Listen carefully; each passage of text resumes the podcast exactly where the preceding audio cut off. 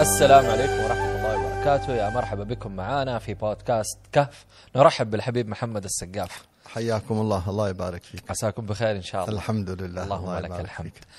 آه، اليوم قضية يعني تكاد تكون مهمة جدا. آه يمكن هي محطوطة بين قصص الأربعة أو القضايا الأربعة في سورة الكهف. آه وعادة الناس ما يتطرقوا إليها ويلفتوا النظر إليها.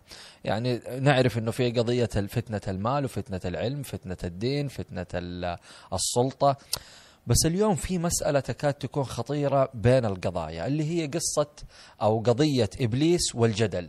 ما هي الفتنة؟ الفتان. الفتان نفسه. آه الأصل المجادل الأول الفاتن الأول.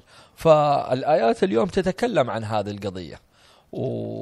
وإحنا بنتكلم في سورة الكهف كسورة حفظ ووقاية من الفتن و... ومن الدجل أو من الدجال.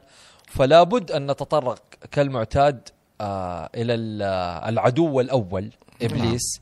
وذكروا الله سبحانه وتعالى في هذه الآيات آيات اليوم. نعم. تفضل يا حبيبي آه الحمد لله والصلاة والسلام على سيدنا رسول الله.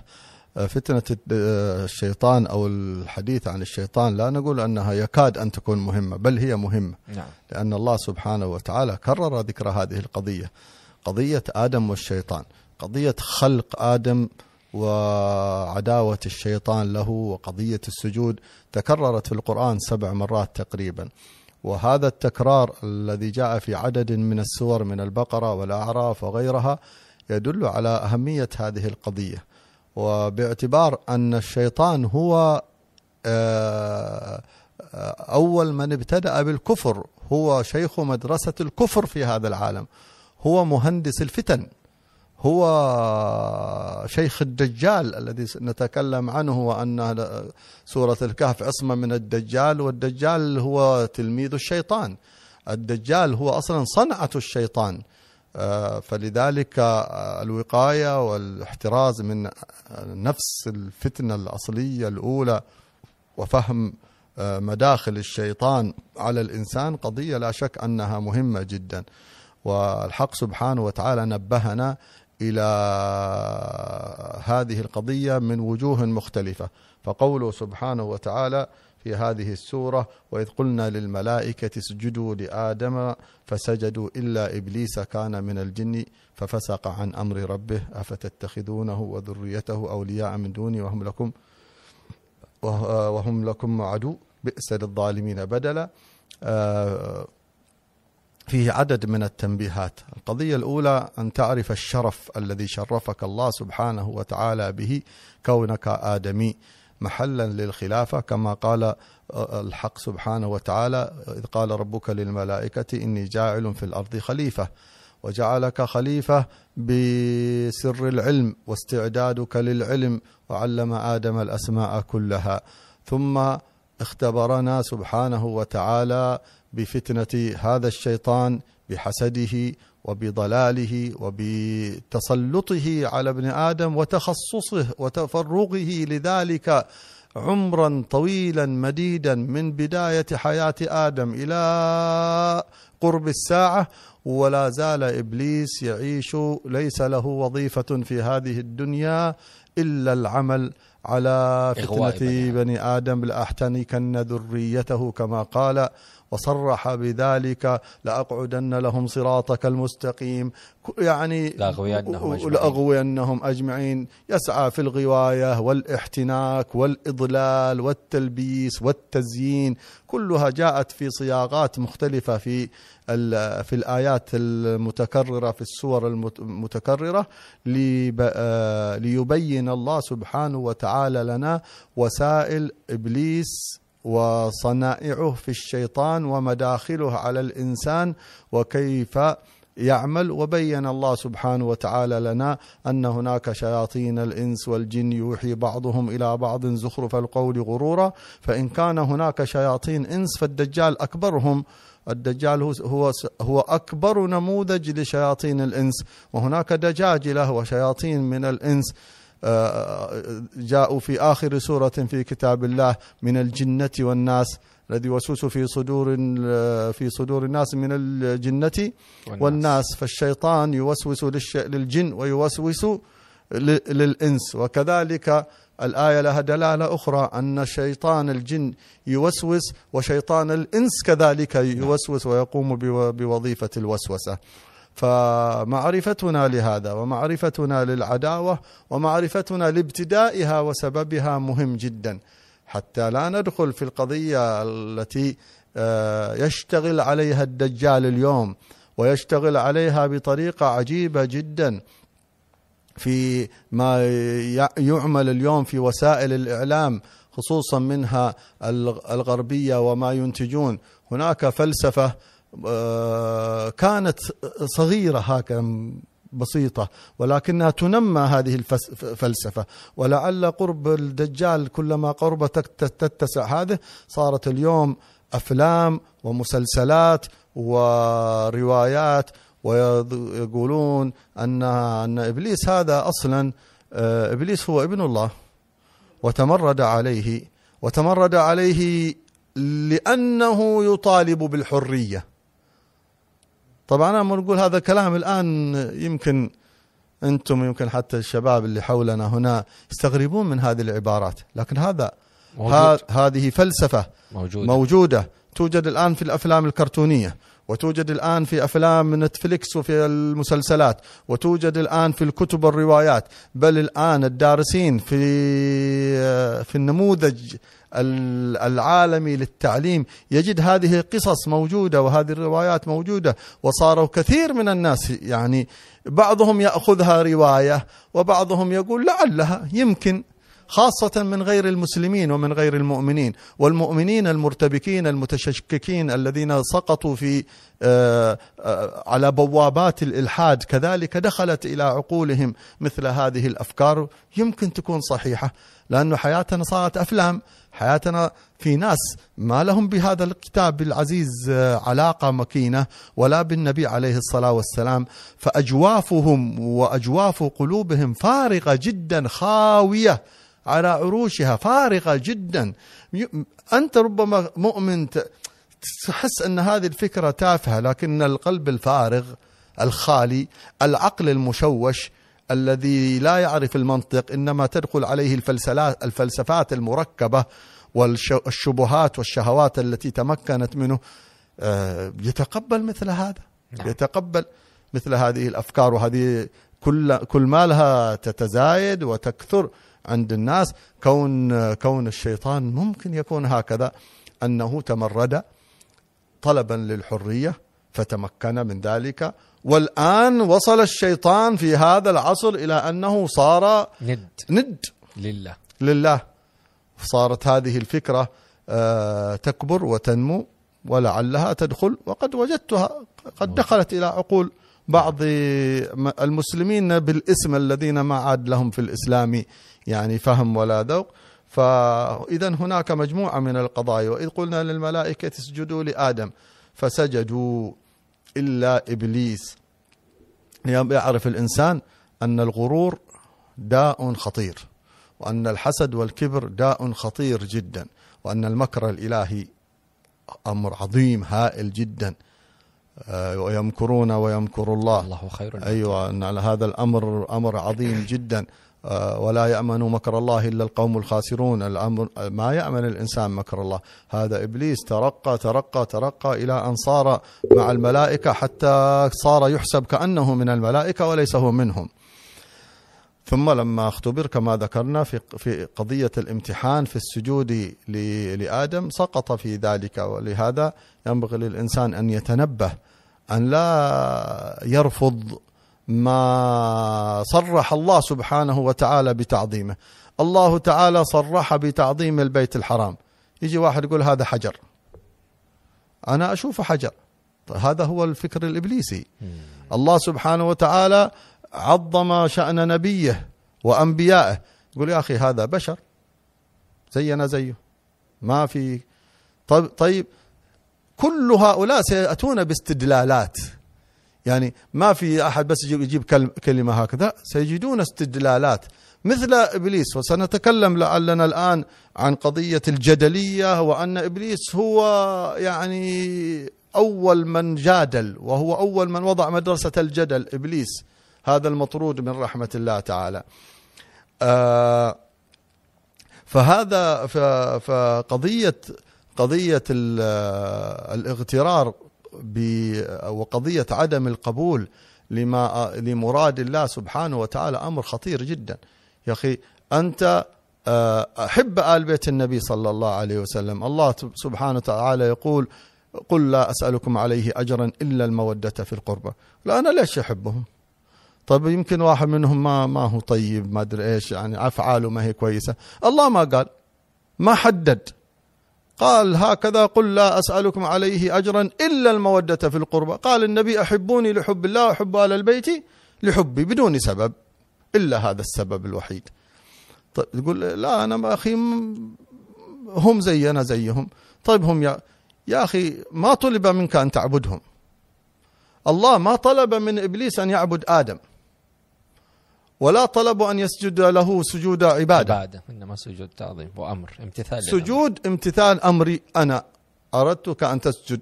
لما؟ بس لأمر لا تعلمه. أنا إلهك وربك.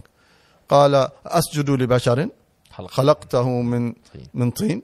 هي كيف؟ ما هو معقول أنا أسجد لواحد يعني غيرك أنت يا رب؟ هذا التوحيد قلنا إيش؟ الإبليس. التوحيد الإبليسي هذا. يعني أراد أن تح- يحتال على من؟ أراد أن يحتال على الله سبحانه وتعالى الذي يعلم السر وأخفى. هذا غباء. ه- هذه خساسة ودناءة شديدة استحق بسببها الطرد من رحمة الله سبحانه وتعالى في علاه واليأس من رحمة الله ومن جنة الله. ف قضية التعظيم لما عظم الله سبحانه وتعالى قضية أساسية ومن يعظم شعائر الله فإنها من تقوى القلوب. فالذي لا يرضى بتعظيم ما عظم الله ويقلب ونحن نرى هذه قضية خطيرة اليوم في المجتمعات كلها أن يحقر ما عظمه الله ويعظم ما حقره الله تعالى. أيظنون الناس يحسبونه هينا وهو عند الله عظيم. يحسب الناس أن هذه قضية آه، بسيطة. أن الإنسان يعني آه، كنا نحن نربى صغارا على أنه ما يمكن تحط حاجة فوق المصحف. نعم. يعني أنا حتى الآن أريد أن أضرب المثال ما أنا قادر حتى مثالا أن أضعه بس للتمثيل. تعظيم لكتاب لأنه كيف تحط شيء فوق كتاب الله؟ أوه أعوذ بالله. يعني ما يمكن هذا أبدا. يعني كنا إحنا صغار ممكن الواحد يضرب فيها هذه الحركة. نعم. لا.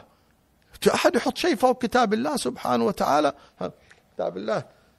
نحطه فوقنا. كان الله يذكره بالخير الشيخ أيمن سويد. كان زمان لما كنا في الصغر ندرس القرآن وكذا يمر علينا في المسجد يقول شوف المصحف تحطه هكذا. تمسك المصحف بيدك اليمين تمسكه هكذا تحمله كذا. مش تمشي تنطنط بالمصحف؟ لما يكون المصحف في يدك أنت إنسان آخر. هكذا المشايخ كانوا يربون على تعظيم كتاب الله سبحانه وتعالى. الآن تجي تجلس في الحرم تحصل واحد حاط كرسي وماد رجوله جهة الكعبة المعظمة التي هي قبلة المؤمنين. حاط رجوله واحد حاط القرآن في الأرض وحاط القرآن يمسك المصحف تربية فقدت للتعظيم. يمسك المصحف يحطه في كرسي وراميه فوق الكرسي. ثم يشيل المصحف ويمدد في الكرسي هذا رجوله عشان يريح. بعدين ينزل رجوله يحطه. إيش هذا هذا المشهد. يعني وهذا في الحرم يسوي هكذا. فإذا هناك فقد لقضايا مهمة جدا. هذا عن جهل. لكن لما تكون هناك يعني استصغار حقيقي عدم يعني انتقاص من شيء من أمور الدين لشيء من أمور من من ما يتعلق بالنبي عليه الصلاة والسلام فاذا ال- القضية خطيرة جدا. خصوصا عندما تصل إلى عدم التقبل. إذا وصل الإنسان إلى عدم التقبل تعرف أن إبليس قد نفذ تمام. إلى قلب هذا الإنسان. هذا أحد المشاهد التي ننبه إليها في قضية السجود إلا إبليس كان من الجن. هذه الآية الوحيدة التي صرح الله سبحانه وتعالى فيها إلى انتماء إبليس وإلى كونه أصله. أيوه كونه من الجن. لهذا الخلاف الجدلي المشكلة الجدل هذا. إبليس آه، ملك. من الملائكة وطرد من الملائكة ولا إبليس. الله تعالى قالوا انتهينا كان من الجن ففسق عن أمر ربه. يعني القضية أنه فسق عن أمر الله خالف أمر الله وخرج عن أمر الله سبحانه وتعالى وكانت النتيجة الهائلة المرعبة هذه. ينبغي أن نعرف أن أن الفسق عن أمر الله ليس أمر هين ليس أمر بسيط خصوصا فيما يتعلق بقضية الإيمان وقضية الكفر والشرك والعياذ بالله تعالى. نعم. تفضل. كيف يا حبيب؟ آه يعني أحد يكون في حضرة الله و... وقلبه يعني يطاوعه إنه يعصي الله سبحانه وتعالى. يعني هذا إبليس كان أمام الله وامره الله يخرج عن عن عن طاعة الله وهو في حضرة الله. يعني إحنا يمكن هنا الآن آه، في نسيان في غفلة الواحد ممكن يرتكب بعض ال ال ال ال الذنوب أو المعاصي. كيف إبليس وصل لهذه المرحلة من من من الطغيان خلينا نقول؟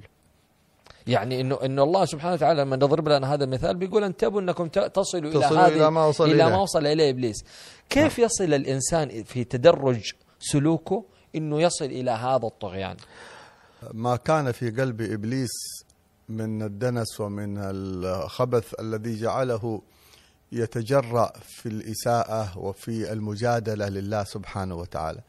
من وجه ثاني ربما يستغرب الإنسان كما سألت كيف يتجرأ أن يجابه الحق سبحانه وتعالى. هذا لأن جب آه، لأن إبليس كان أصلا عبدا محجوبا مثل ما مثل العاصي صاحب المعصية عندما يعصي ويرتكب المعصية يكون في حالة أصلا من الغفلة وال- والحجاب ونز- ونزع الإيمان من قلبه فلا يتصور الإنسان عندما يسمع الحوار الآن الذي موجود الحوارات التي موجودة في القرآن أن إبليس جادل الحق تعالى. لا يتصور أحد أن إبليس كان يرى الله أو أن إبليس يعني كان مكاشف بذات الله سبحانه وتعالى أو أنه كان جالسا على عرش أو أنه لا ليس الأمر كذلك. حاشا الله سبحانه وتعالى. الله تعالى لا تدرك الأبصار وهو يدرك الأبصار. ولا يبلغ منتهاه أحد لا ملك مقرب ولا نبي مرسل ولا غير ذلك.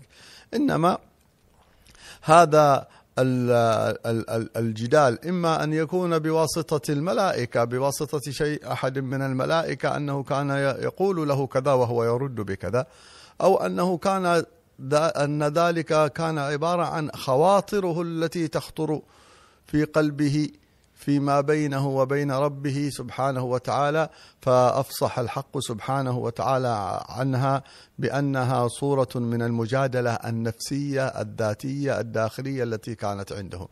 فينبغي أن نبعد تماما عن أذهاننا هذا هذا التخيل أن يكون يعني هو واقف هكذا وأنه أمام ذات الحق سبحانه وتعالى يسمع كلام الله جل جلاله.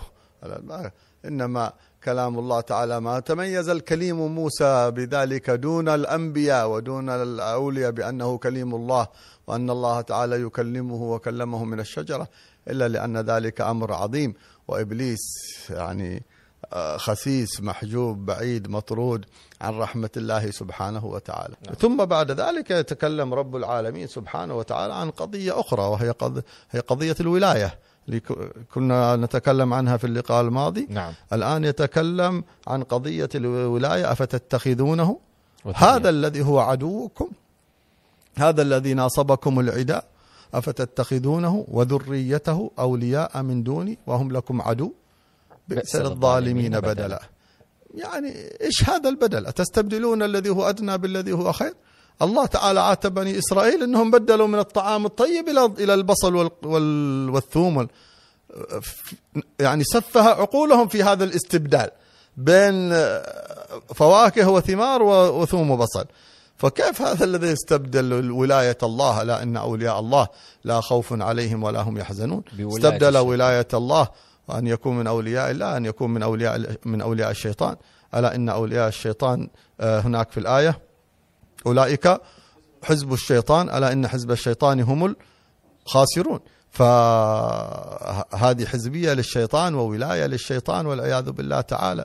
فرق بينهم وبين حزب الله الذين هم من أهل الفلاح وأهل النجاح الأعظم رضي الله عنهم أجمعين. جعلنا الله تعالى منهم. اللهم آمين. وكيف تتخذونه وذريته أولياء من دوني مظاهر الولاية للشيطان؟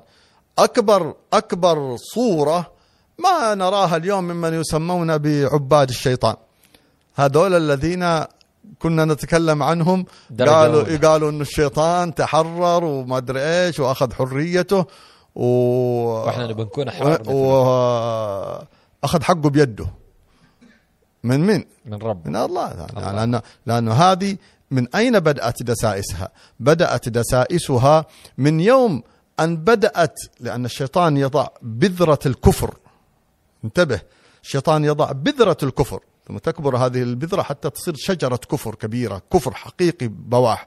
بذرة الكفر يعني بدأ بنو إسرائيل من اليهود في تحريف كتبهم. ثم بعد تحريف الكتب جاءوا بفكرة التجسيم. ومثل الحضارات اليونانية وغيرها الذين تصوروا أن الإله واحد كبير. وهنا خط- خطورة قضية التجسيم الذي ينكرها الدين تماما وأهل السنة والجماعة. قضية التجسيم لله سبحانه وتعالى لأن هذه يعني على قولهم قنطرة للإيمان بالدجال وقنطرة للوصول إلى عبادة إبليس والعياذ بالله تعالى. بدأت تلك الأمم بمثل هذه الفتنة قليلا ثم تصوروا بعد ذلك أن هذا الإله الذي له ابن يمكن ابنه يكبر بعدين زي ما البشر. الولد يصير أقوى من أبوه والولد يصير أغنى من أبوه. فتصوروا هذه هذه الصورة ال- يعني الساذجة الغبية ولكنها كم من صورة ساذجة وغبية مشت على الناس وس- وسرت في الناس وتقبلوها بسبب الشبهات والشهوات. كثيرة جدا. فإذا فإذا آه هؤلاء يعني تقبلوا مثل هذه الفتنة فعبدوا الشيطان ومنهم من هو أدنى من ذلك تولى الشيطان في قضية السحر. وفي قضية هؤلاء السحرة الذين يستخدمون الشيطان ويستخدمهم. فهذا نوع من أنواع الولاية ومنها ولاية الطاعة للشيطان بالانصياع لوساوسه حتى يصل الإنسان من صغار المعاصي إلى كبار المعاصي إلى الجحود والعياذ بالله تعالى. والعياذ بالله.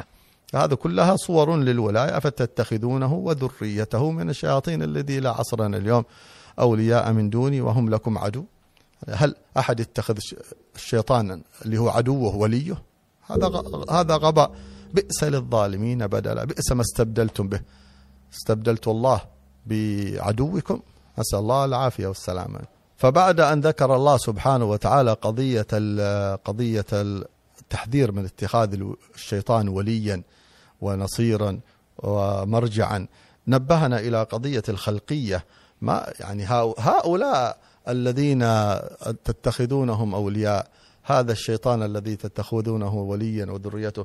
قال ما أشهدتهم خلق السماوات والأرض ولا خلق أنفسهم وما كنت متخذ المضلين عضدا. أراد الله تعالى أن يبرز حقيقة آه، في قضية الخلق وهذه قضية الخلق هي أصل الأصول في مناظرة ومجادلة وصد كل ما تأتي به أفكار الملاحدة وأفكار الشياطين وغيرهم. قل أما أمن خلق السماوات والأرض؟ يعني من الذي خلق السماوات والأرض هذه؟ الله. هل له كان شريك في أساس الخلق حتى اليوم؟ تعتقدون أنه تحرر ثم جاء فحكم ملكا؟ لو كانت هي أرض جاء وبعدين تسلط على أرض أبيه مثلا ولا كما يقولون. هذا كون سماوات وأرض وعوالم كبيرة وأفلاك هائلة جدا ما يكون الشيطان فيها. أصلا لم يشهد كيف خلقت حتى أصل حتى يعرف آه، مداخلها ومخارجها.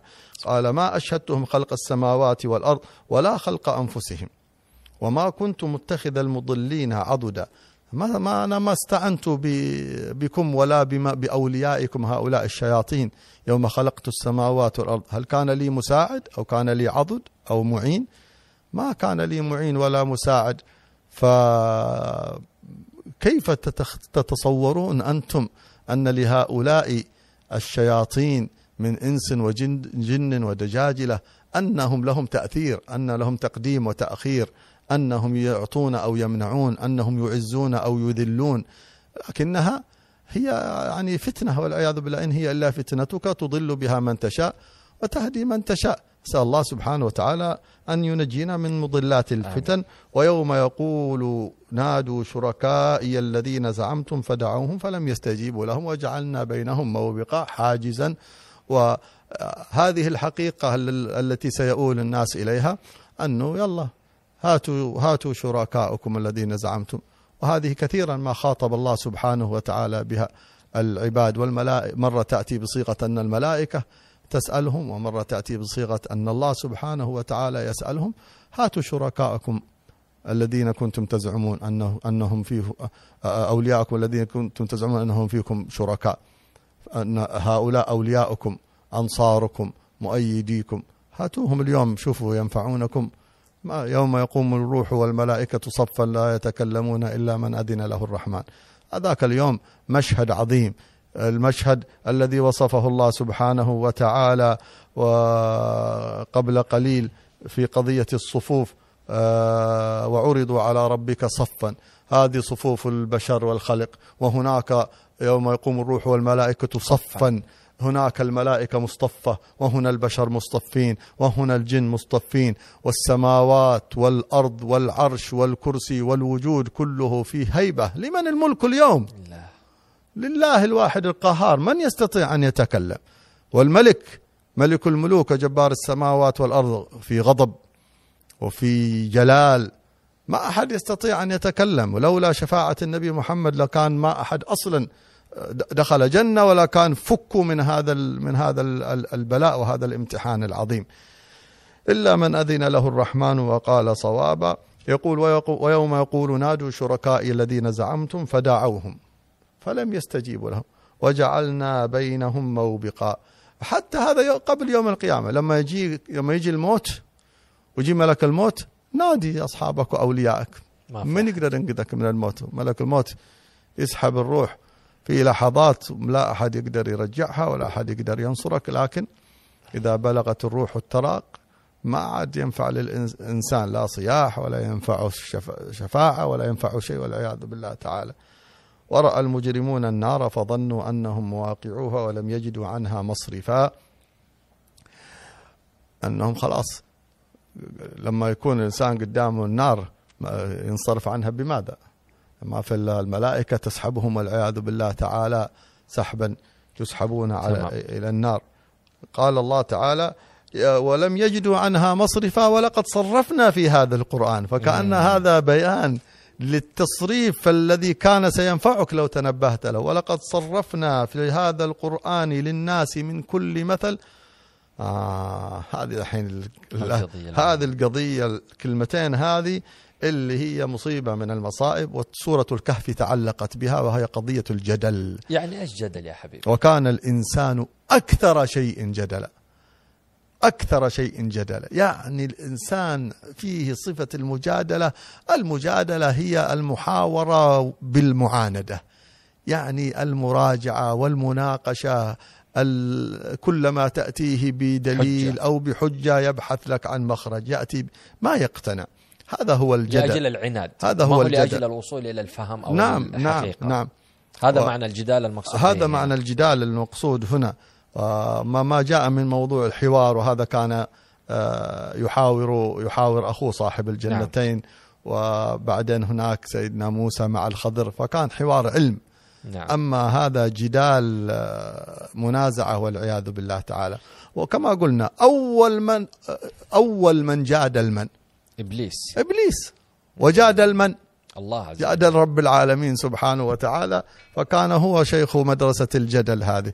والإنسان يتأثر بهذا. وإبليس من أكبر مداخله على الشيطان هذا الجدل. ونحن الآن في آه، حلقاتنا هذه يعني كل أنت تسألني عن قضايا.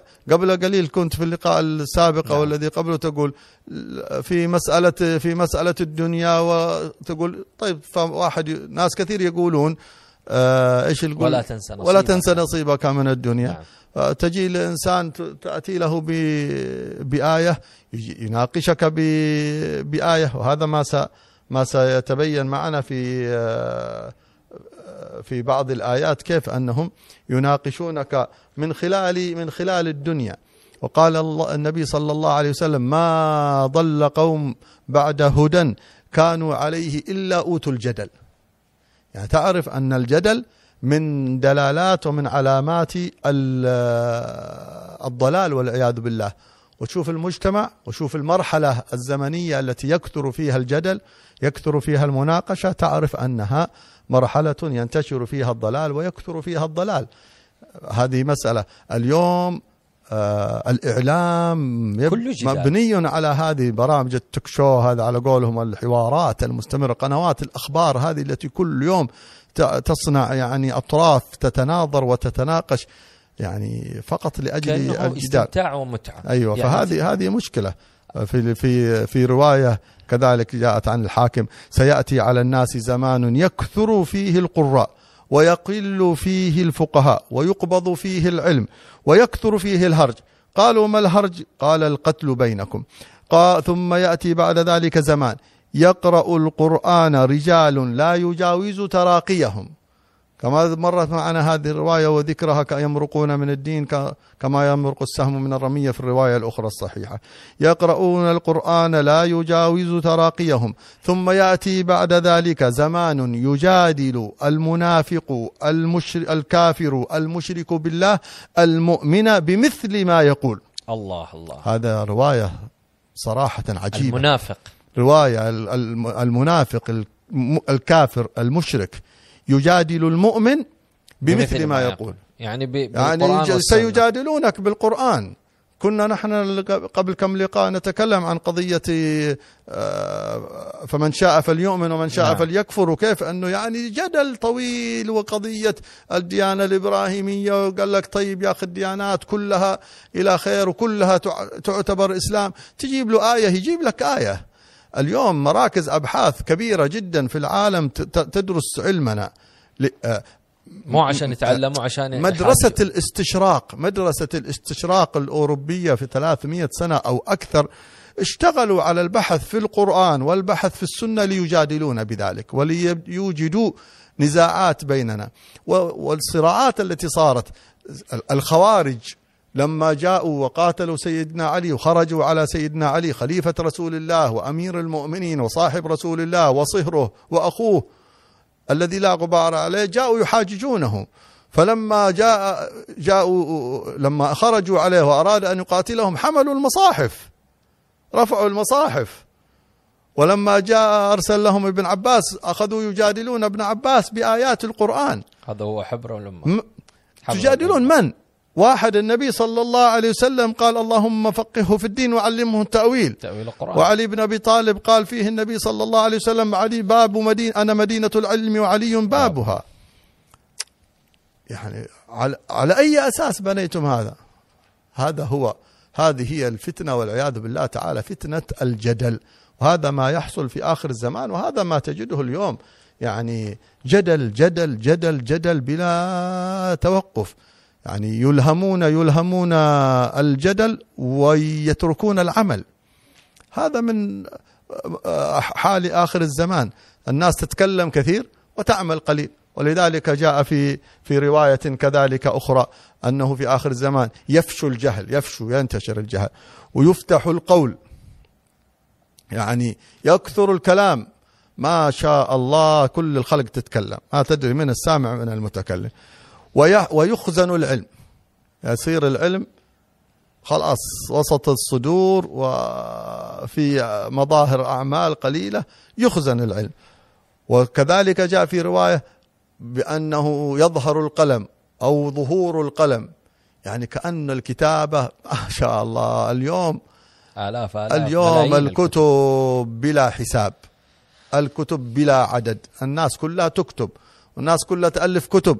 كل الناس تألف كتب والناس كلها تكتب أصابع الناس ما هي متوقفة.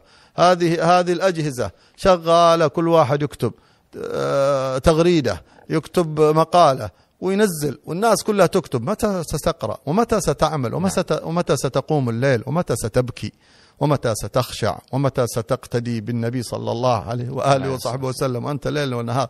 فرواية يظهر القلم ورواية يفشو القلم كذلك. ويكثر فيه يكون كثرة القر كثرة القراء وقل- وقلة الفقهاء. تجد الفقهاء قليل. وليس بالفقهاء المقصود بالفقهاء هنا الدارسين الذين ينقلون الأحكام فقط. الفقهاء الذين يفقهون ما خلقوا لأجله. يع- الذين يعملون بما يعلمون نعم. هؤلاء هم الفقهاء نعم. وأما يكثر القراء ما شاء الله الحفاظ للقرآن آلاف مؤلفة في الأمة المجودين آلاف مؤلفة في الأمة المتكلمين الذين يعملون برامج دينية آلاف مؤلفة مليئة هذه البرامج كل واحد يشرح كتاب ويلقي كلمة ويلقي موعظة ويتكلم والناس كلها تتكلم. الكلام كلام كلام كلام. أين أين أثر هذا الكلام؟ أين هذا أين العمل؟ هذا كله مما أوتيه الناس في في هذا الزمان من من حبهم للجدل. وكان الإنسان أكثر شيء جدلا. الآن لو قدمت للناس فائدة علمية بسيطة جميلة ما ما حد يسمعها. جيب آه، قول مثلا سوي سجل كذا مقطع ترد فيه على فلان معروف مشهور. وتسبه. ولو يعني كل ما حطيت منكهات فاسدة فاسقة يزداد. كلما ازدادت المشاهدات. نعم. كلما انتشرت المقاطع والفيديوهات هذه نعم. والناس أحبوها. تستلذ ال- الناس بالجدل. يعجبها الجدل يعجبها الرد والصد والنزاع. هذا كله بسبب فساد. فساد وجهل. وج- جهل وفساد في الداخل هنا خراب في الداخل. وهذا الإنسان الذي يتطور من الجدل لأن لهذا النبي عليه الصلاة والسلام أوصانا بترك الجدل. أنا كفيل ببيت في ربض الجنة لمن ترك الجدال ولو كان محقا. يعني في في اعلى الجنة. لو حتى لو كان محق أرادنا النبي صلى الله عليه وسلم نقطع مادة الجدل لأنها مادة إبليسية سم إبليسي. اليوم ستتجادل ب- في مسألة بينك وبين الآخر شوية بتصعد بتصير تجادل العلماء وتنكر عليهم. شوية سوف تجادل وتناقش أحاديث رسول الله. شوية سوف تجادل ربك وتنكر الآيات القرآنية وهذا الذي حصل مع بعض الناس. يعني ما أنكروا كان- الآية صراحة إنما أنكروا المعنى كان- الواضح ص... آه، كان واحد. مثلا من الشباب. نعم. ذكي جدا. وكان يرد على بعض ال- المبتدعة من الأصحاب المجسمة وكذا. كان شاطر في الرد عليهم. وكان واحد من إخواننا الكبار قريب في سننا يقول يا أخي هذا الولد الصغير ما شاء الله يعني مجننهم. أقول له لا أقول له يا أخي أنت فرحان عشانه يساعدك في تكسير رؤوس الناس هذيلاك؟ ما نبغى نكسر رأس حد. هذا الولد سوف ينحرف. خليه يجي يحفظ كتاب الله تحت يد علماء ويتعلم الفقه والعلم والتزكية ويجلس يجالس الشيوخ والأهل الله ويتعلم. هذا هو الأولى به. ما نريده يصير يعني سهم نرمي به على ناس بيننا وبينهم حوارات. لا, لا نحن لسنا هكذا. نحن يهمنا صلاح الإنسان. إن شاء الله ما هذا الولد ألحد لا حول ولا قوة لأنه أخذت مناقشاته بنى تركيبة عقله وتفكيره ليل نهار قبل أن يتأسس ويرسخ قدمه ويثبت ويكون له بالله علاقة متينة وإيمان راسخ تأسس عقله وكيانه على الجدل. مجادلات مع هذا ومجادلات مع هذا. فصار أسلوبه في في النظر في كل آية. لما يقرأ القرآن يفتش على ما سيرد به على أولئك المضادين. فتش على ما سينفعك فيما يريده الله منك. لا إله إلا الله. خليك من هذا. لا هو طريقته. فصار من كثرة ما يفتش على الثغرات والردود والحوارات. صار سقط في قدم. يشك في نفس الآيات. صار يرى أن هناك ربما شيء من التناقض. تناقض. صار طبعا ويعين على ذلك نفخ الشيطان. الشيطان ينفخ في نفس هذا الإنسان وينفخ في في شهوته في بطنه وفي فرجه وهو شاب صغير فتختلط الشبهة بالشهوة. وهذا يعني كذا حلاوة مقرطسة بأحلى الأشكال. شهوة وشبهات شهوة وشبهات أعظم شيء في مرتبة. وإذا بهذا الإنسان تبدأ عنده سوسة الشك والشبهة وتزداد وتزداد وتجتذبه حبال الشهوات إلى جماعات ضالة إلى فتن إلى شرب إلى مراقص إلى كذا حتى يسقط في هذه الحفرة. والشيطان من بعيد يصفق ممتاز شاطر. هذا هذه نعم. هذا المراد الذي كان يريد منه. وابتدأ ينافح عن الدين ويدافع عن الحق وعلى منهج أهل السنة. وكثير ما يقع الناس في مثل هذا. فإذا ما أمرنا رسول الله أن نترك هذا الجدل إلا لأنه يعلم لأنه أن فيه مفسدة غالبا. نعم. غالبا. من الأشياء اللي يجادلوا فيها الناس اليوم ذكرته في الحديث اللي هي يفشو الجهل في آخر الزمان. اليوم عكس هذا تماما المتصور. الناس معظم الناس عندهم تصور أن الوعي عند الناس ازداد.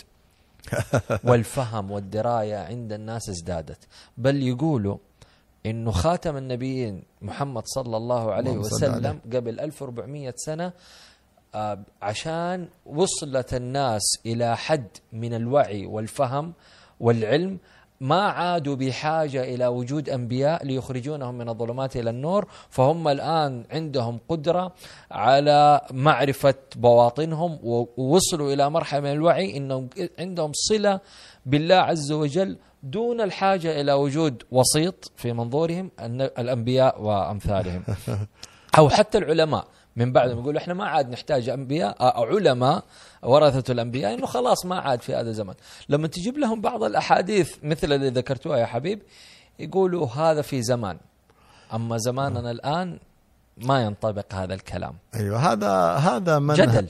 هذا منهج آه، أصحاب حركة العصر الحديث الذي يسمون. الحداثة. وهم آه، وهم آه، الباطنية المعاصرين. نعم. وهذه فكرة باطنية قديمة موجودة كانت عند اليهود ثم تسللت إلى فئات من ال- من من المسلمين في عصر من العصور حتى تمكنوا حتى صار لهم دولة في بعض الأوقات مثل الباطنية والقرامطة وغيرهم. ولا زالت هذه الأفكار لأنها أفكار شيطانية يجددها من أمة لأمة ومن جيل لجيل ومن من زمن لزمن ومن قرن إلى قرن. الشيطان عنده كم لعبة. تغذي في الإنسان يعني هو الأنا. الشيطان مش للدرجة هذه يعني هو يعني هي كم كم لعبة عند الشيطان كلها فضحها الله في القرآن لكن أكثر الناس ما يتلون ويتدبرون. كلها بينها الله سبحانه وتعالى في القرآن مسألة, مسألة الإضلال والتزيين وتغيير خلق الله والتلاعب بالحيوانات و و و هذه كلها. يبغى لها عشر لقاءات لشرحها وتفصيل هذه كلها. ما نحن بصدد بيان تفصيلاتها كلها الآن. ولكن آه، مسألة آه، آه، مسألة هذا القول الذي يقولون به هؤلاء أصحاب حركة العصر الحديث باطنية العصر الباطنية الحديثة عندهم فكرة عجيبة يبنونها من عدة جوانب جزء منها يبنونها من جانب فلسفي باطني وجزء منها يبنونها من أقاويل التطور التي. تبع داروين وغيره فيرك فعشقوا وركبوا فكرة مزيج يعني جميلة هكذا بالصورة التي يريدها الإنسان بال- المفتون فيقولون أن الإنسان كان يتطور وأن الوعي هذا يتنامى. مم. هذا الوعي يتنامى بحيث أنه الإنسان ال- لما يموت الذي يأتي الإنسان الذي بعده الخلايا تحمل الوعي. حتى يقولون ماذا؟ يقولون يعني لو جبنا إنسان مولود في زمننا هذا شلناه من بطن أمه مباشرة إلى صحراء لا يرى البشر. أنه سيكون يفهم الحياة الحديثة. نعم. طيب جربتوا؟ سويتوها؟ لا ما قد سووها. طيب على أي أساس تقولون هذا الكلام؟ فرضية. آه، هذه فرضية. لكن العجيب أن هؤلاء الناس جعلوا فرضياتهم هذه التي لا منطق لها ولا تجربة عملية لها كأنها حقائق مطلقة علمية. أكثر من الوحي. صحيح. يقولون هكذا أن الوعي هكذا تنامى تنامى تنامى وأن الإنسان هذا الوعي الكلي الذي يتنامى هو مربوط بشيء من يسمونه الوعي الكلي الموجود في المصدر. هذا ال- المصدر الموجود في هذا الكون. نتغذى منه. إيش هو؟ كيف؟ جيبوا لي حاجة وعي كذا جبتوها لقطوها من فوق لتحت. لقطوها من هذه الوعي الكلي اللي في الوجود. فلسفات. معاني يقولها. طب حتى الذي لا يؤمن بأفكاركم يقول مثل هذا ويجيب أفكار ويخترع. ما العقل فعال؟ يف... ال- العقل يركب أفكار ويجيب أفكار. ما الفرق بينكم؟ ليش سميته إنه وعي يلتقط من الوعي ويستمد من الوعي الكلي؟ كذلك فرضيات وأوهام وخيالات لا عبرة بها ابدا. إليه. لكن هذا الإنسان يريد أن يصل إلى ما كان الشيطان يحلم به. الشيطان كان يحلم بمنافسة الله. وأن يكون شريك. نعم. الشيطان كان يريد ولا زال يريد أن يكون شريكا لله. لذلك ورد في صحيح مسلم أن الشيطان عرشه على الماء. كما أنه ورد أن الرحمن كان عرشه على الماء. لكن الشيطان يسمع. لا شاف عرش الرحمن الشيطان ولا يطول. لكن يسمع أن الرحمن عرشه على الماء. سوال واحد. يا شيطان أنت أنت أبله. يعني هذا العرش فوق السماوات وكم مساحته وكم كبره وما معنى هذا الماء وما معنى هذا العرش وما هذه الهيئات الهائلة الض- العظيمة. جاب له عرش حطه في البحر هنا في الأرض. عشان إنه زي الله. عرشه على الماء أنا عرشي على الماء. هذا الماء المالح اللي ليس هناك. مدسوس من ظن نفسك إنك مدسوس ونحن شايفينك. تظن نفسك إنك على عرش حقيقي. تلعب على نفسك تكذب على نفسك. يعني أهل الله المنورة بصائرهم يضحكون عليه. يعني جالس على عرش في البحر ما حسب نفسه إله. هو صعلوك. هو كلب جعله الله تعالى مسلط اختبار على الخلق ليعز من يعز ويذل من يذل ويهدي من يهدي ويشقي من يشقي. لكن ظن نفسه هكذا. يعني عنده هذه العقدة هذه الشراكة. وهذه العقدة موجودة عند الإنسان والشيطان بثها. حتى فرعون صدق نفسه وقال أنا ربكم الأعلى وبعدين جثة معفنة في متاحف. في متاحف. سياحية. مصر هنا يتفرجوا عليه. الناس يصوروه يلتقطوا له ويسدوا خشمهم لو شفتوا تكاد كبدك أن تتحرك وتخرج ما في بطنك. إيش هذا؟ ما هذه ما هذا ال- ال- ال- ال- الغرور الذي كان فيه. فهؤلاء الناس الذين هم باطنية العصر الحديث هؤلاء يعيشون وهم كبير جدا يريدوا أن يغيبوا عن أنفسهم. ومفكرين يتبعوا واحد أوشو بوشو توشو ما أدري من. لا تعرف له أصل ولا فصل ولا راس ولا رجل ولا لا هيئة ولا منظر ولا شكل ويؤخذ ولا كلامهم معلومات. ويأخذ كلامهم كأنهم حقائق وحي. ويقول لك أنا أتلقى حتى كلمتني واحدة من البنات وعندها صد- صديقتها وكذا أنه حتى صارت تقول واحدة نحن البارحة اجتمعنا وعرجنا وشفنا الله يعني أشياء ما تدري تضحك أو تبكي تبكي عليهم وتضحك لأنها أشبه أشبه. بالطرفة بالنكتة وتبكي على هؤلاء الناس الذي وصلوا. إلى إلى هذا الحد والعياذ بالله تعالى وما في لو تكلمه ويقول لك أنا أنا ما أحتاج للأنبياء، أنا ما أحتاج للعلم، ليش؟ لأن صرت أتلقى عن الإله. ماذا تعرف عن هذا الإله؟ ما يعرف عنه شيء. يعني هذولا يعني أسهل لعبة للشيطان وللدجال يعني طبعاً. هذولا ما عاد يحتاج الدجال أصلا انه يقول لهم تعالوا، هم خلاص قدهم ساجدين له الآن أصلا صحيح ويتبعونه أصلا. الله. فهذا إعداد واستعداد وتأهيل كبير لهؤلاء الناس ل- لفتنة المسيح الدجال والعياذ بالله تعالى ومثل هؤلاء يحتاجون إلى هزة وإلى تذكير وإلى تح وإلى تحذير وإلى تنبيه لتذكير يعني تنبيه من يمكن أن يتنبه منهم. ولكن الخطير في هذه القضية ما دام أنك قد فتحتها الخطير في هذه القضية أنها كمثل كل القضايا الخطيرة الشيطانية أنها تبدأ بسلسلة متدرجة. يعني الشخص أول ما يأتي يقول لك أنا سأتعلم تنمية بشرية الأسرة ما أدري وبعدين طاقة ويوغا وكذا. بعدين آه، حضور. بعدين استمداد طاقة من فين؟ من هناك. هناك فين؟ هناك. هنا أنت ما تعرف. أنت ما تعرف. قول له هناك فين؟ فين هناك؟ من فين تجيب الطاقة؟ أنت ما تعرف. جرب عشان تعرف. جرب تتورط جرب فين؟ أجرب إيش؟ أجرب شيء فيه صريح صريح كفر أو صريح شرك أو صريح كيف أجرب؟ شيء لا يجرب هذا. أنتم ما الذي كسبتموه؟ كسبتم أنكم فترتوا أنفسكم بس تبنيج داخلي ما تغير شيء. والله أنتم نفسكم أنتم. الناجح ناجح والفاشل فاشل. وأنت المسكينة اللي رحتي عشان تبغي زوجك ما يتزوج عليك يتزوج عليك خمسة. ما هو أربعة خمسة. وال... وأنت اللي ت... وأنت اللي تبغى تهرب من واقع الحياة العملية وعندك ضغوطات تبغى تستجلب تتنفس. ال- النجاح بحضور وتركيز وكذا وكذا. تضحك على نفسك. لأن لأنك يعني تت... تر- تروض نفسك بهذا بس وتسكنها وتعيش في الواقع فشل الذين دربوا الناس على هذا وقالوا أن نجاح حياتهم الزوجية ممكن يتوصلون إليها بهذا وأن حياتهم العملية أين هم هؤلاء؟ أكثر الناس فشلا في في الحياة الزوجية. اليوم أقولها بصراحة أن كثير ممن ممن أراد أن يقدم للناس حلول من خلال هذه المدرسة مدرسة العصر الح- الحديث وهذه التدريبات والتمرينات. أكثر الناس فشلا في الحياة الزوجية. مطلق أربع خمسة ست مر سبع مرات. لعب ببنات الناس.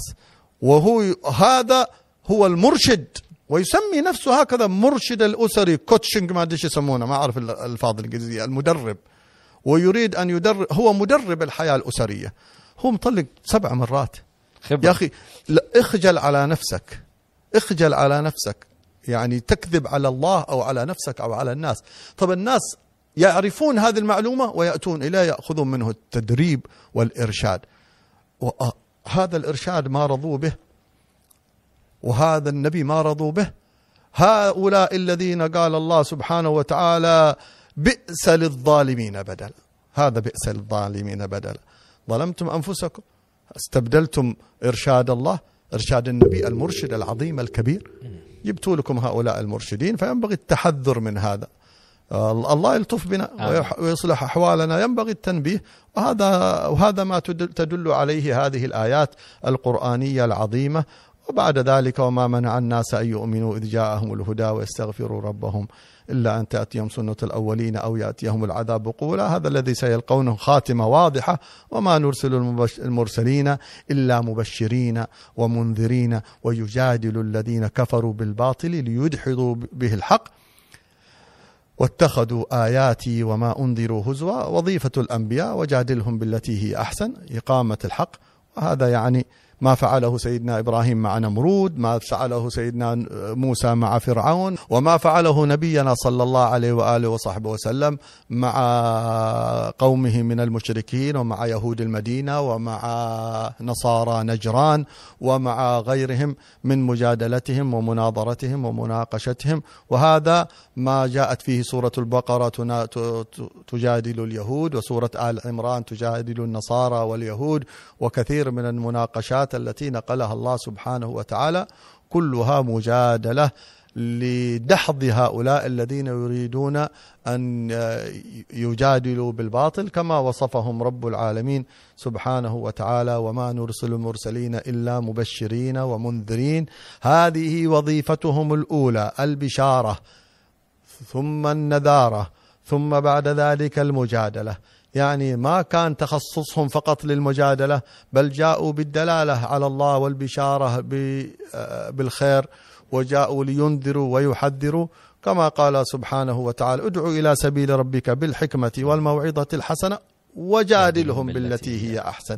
فهذه وظيفة الأنبياء بشا مبشرين ومنذرين ويجادل الذين كفروا بالباطل ليدحضوا به الحق واتخذوا آياتي وما أنذروا هزوا هؤلاء الذين آه، استصغروا كتاب الله واستصغروا آه، أنبياء الله واستصغروا آيات الله سبحانه وتعالى. وفي آخر السورة آه، سيذكر الذين اتخذوا آياتي ورسلي نعم. هزوا ليكون يعني جامعة للآيات والرسل والآيات الكونية والآيات ال- القرآنية. ومن أظلم ممن ذكر بآيات ربه فأعرض عنها ونسي ما قدمت يداه إنا جعلنا على قلوبهم. هذا الكلام الآن وهذه النتيجة والتي نسأل الله أن يعافينا منها. آه، قال إنا جعلنا على قلوبهم أكنة أن يفقهوه وفي آذانهم وقرا. هذا والعياذ بالله تعالى الأكنة الأقفال طبع الله على الأقفال التي على القلوب الطبع الذي طبع على قلوبهم سماه الله قفل سماه الله أكنة سماه الله زي. طبع سماه الله كلها آه، سماها الله ران. كل هذا التي يطبع على القلب حتى لا يفقه. وفي آذانهم وقراء آذانهم مسدودة وإني كما قال سيدنا نوح إني كلما دعوتهم لت- لتغفر لهم جعلوا أصابعهم في آذانهم واستغشوا ثيابهم وأصروا واستكبروا استكبارا. إصرار تحول إلى انغلاق. بعض الناس تلاقيه هكذا مقفل بقفل. ما تجيب له الحق الصريح الواضح يرفض. ما في.